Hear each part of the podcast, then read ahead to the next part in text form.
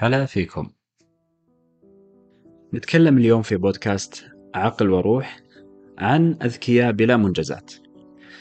مر علينا كثير أذكياء ممكن تشوف فيهم موهبة على مستوى التحليل أو الخطاب أو التفكير الاستراتيجي أو الكاريزما حتى.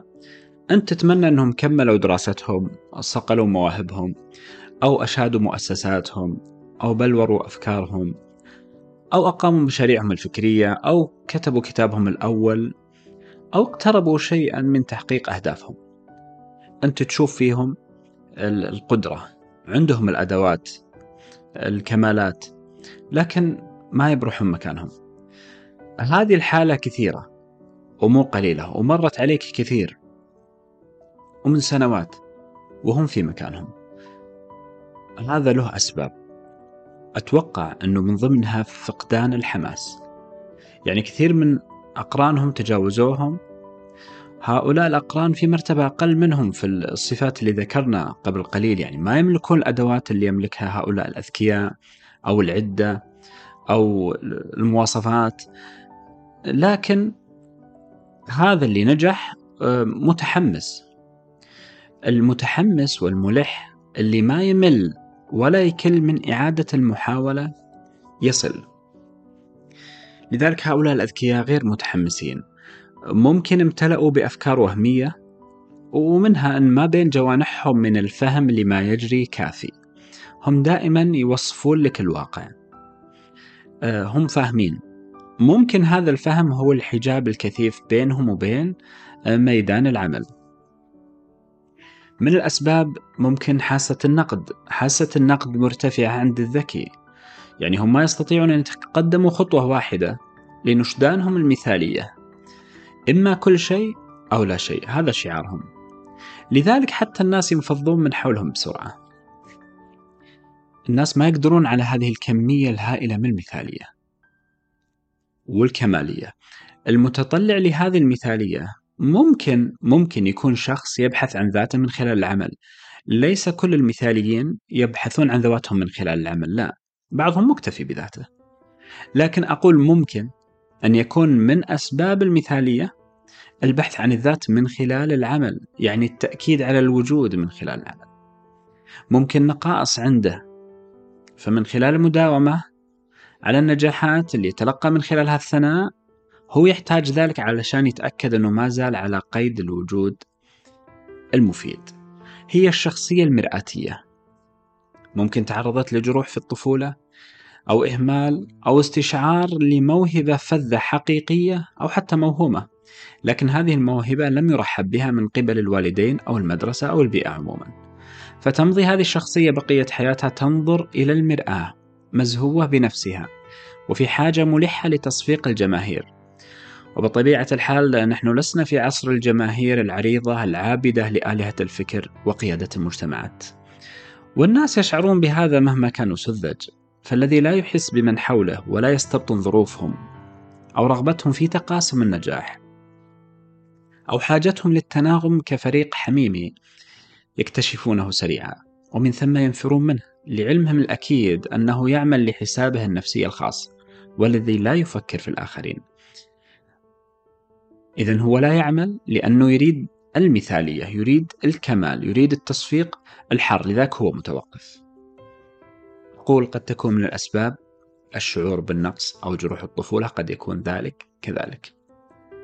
وليس معنى هذا أن جميع المثاليين يعانون من هذا. المثالية هي مشكلة لذلك يتخلص منها سريعا اللي ما ارتبطت عنده بمشكلة أو نقص لكنها يعني قد تكون توجه ذهني ثبت عنده لفترة.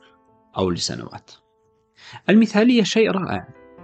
الأنبياء المصلحون لم يأتوا ليقروا الناس على الواقع بل ليسموا بهم فوق هذا الواقع. ولا كان ما في فائدة من إرسال الأنبياء. وما في وظيفة للمصلحين. ولكن هذا لأجل مصلحة الناس أنفسهم. وكذلك بمقدار وتوازن ومراعاة الفروق الفردية والبيئية والزمانية. والوقوف على الإمكانات المتاحة والمعطيات الممكنة قبل كل شيء. إن خشية الفشل عائق كبير أمام تحقيق النجاح. وعليه أيها المثالي فالأخطاء فرصة للتعلم ومن ثم التجاوز الخبير.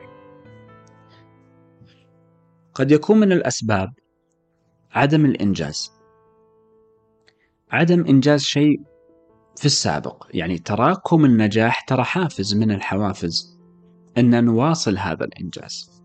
وانظر للإنسان اللي يؤلف كتاب واحد يأتي بعده كتب أخرى. اللي يبدع لوحة واحدة تأتي بعدها لوحات أخرى. قد يكون أيضا من الأسباب عدم قدرتهم على آه، الفرح بالنجاح. هناك مشكلة عويصة عند البعض في النجاح. لا أبالغ إذا قلت أن بعضهم يخاف من النجاح لأنه ينقله من مكان إلى مكان آخر والحاسة عالية عند أمثال هؤلاء الأذكياء وعندهم مبررات للبقاء في أماكن الراحة. وقد يكون عدم الإنجاز لديهم بسبب قدرتهم النافذة لاستشراف المستقبل وهم دائما يظللونه بألوان قاتمة مما يعجزهم نفسيا عن المشاركة والمساهمة في تحسين الأوضاع. وإما لخوفهم من تحمل المسؤولية وإما لازدرائهم الناس وتعاليهم على كل فريق عمل. وعصرنا اليوم هو عصر المجموعات. ففهمهم للناس خاطئ وفهم الناس لهم خاطئ. ولذلك لم يتعاونوا. إنها أزمة تواصل وأزمة فهم. وهناك كتب ودورات مفيدة جدا في باب الفهم والتفهيم والتأثير والتواصل من منطلق سليم. إنهم لا يعلمون بحقيقة بسيطة مفادها أنك خلقت ببعض الاستعدادات لإتقان مهارات معينة ثم بعد ذلك تبدأ تشق طريقك في الدراسة ومن ثم الوظيفة عن طريق استخدام هذه المهارات وبعد ذلك وهو المهم هي إدارة الناس عن طريق مهارات التعامل الجيد مع الآخرين وتوظيفهم لتحقيق أهداف أكبر وأغنى من أهداف الأمس. فهناك أهداف كبرى لا تستطيع مهما أوتيت من قوة أن تقوم بها بمفردك. ولكن لابد لك من فريق ومن مجاميع تكون بمث تكون لها بمثابة القائد الملهم أو العضو المتعاون الفاعل وعليه فأنت مطالب باستشارة أهل التجارب. والذين يكبرونك في السن وقد خبروا الناس والطرائق العمل معهم. وكذلك الاستزادة من القراءات المتأملة في سير الكبار. والذين قادوا مجتمعاتهم لبر الأمان أو لشواطئ المغامرة والإثارة. كل هذا من أسباب تبعثر الزمن لدى هؤلاء. فحاجتهم للحماس والواقعية المثلى والإيجابية والتواصل الجيد أشد من حاجتهم لتنظيم الوقت بالمعنى التقليدي. ومن ثم فهؤلاء الأذكياء أجدر الناس بتحقيق الأهداف وحصد المنجزات. بل وهم أعمق من ستترسخ فيه العادات الناجحة. فمن أكبر عوائق تحقيق الأهداف هو عدم تساوقها مع العادات. فكيف تريد تحقيق أهدافك وعاداتك تناقضها وليست في خدمتها؟ بينما قدرة هؤلاء الأذكياء على التحكم في الانفعالات وضبط النفس والحديث الداخلي الهادئ والوقوف على نقاط القوة والضعف أكبر من غيرهم وعاداتهم دائما في خدمة الأهداف العالية. والتوفيق بالله والتغيير لا يتم حتى يغير الإنسان ما بنفسه لا أن يغير نفسه بل يغير ما فيها من قصور وإلا فنفوس العباقرة جدير بها السمو المشرق للاكتئاب البارد ونتحدث لكم في الحلقة القادمة بإذن الله عن موضوع تحديد الأهداف ونقول لك لا تحدد أهدافك. فإلى اللقاء.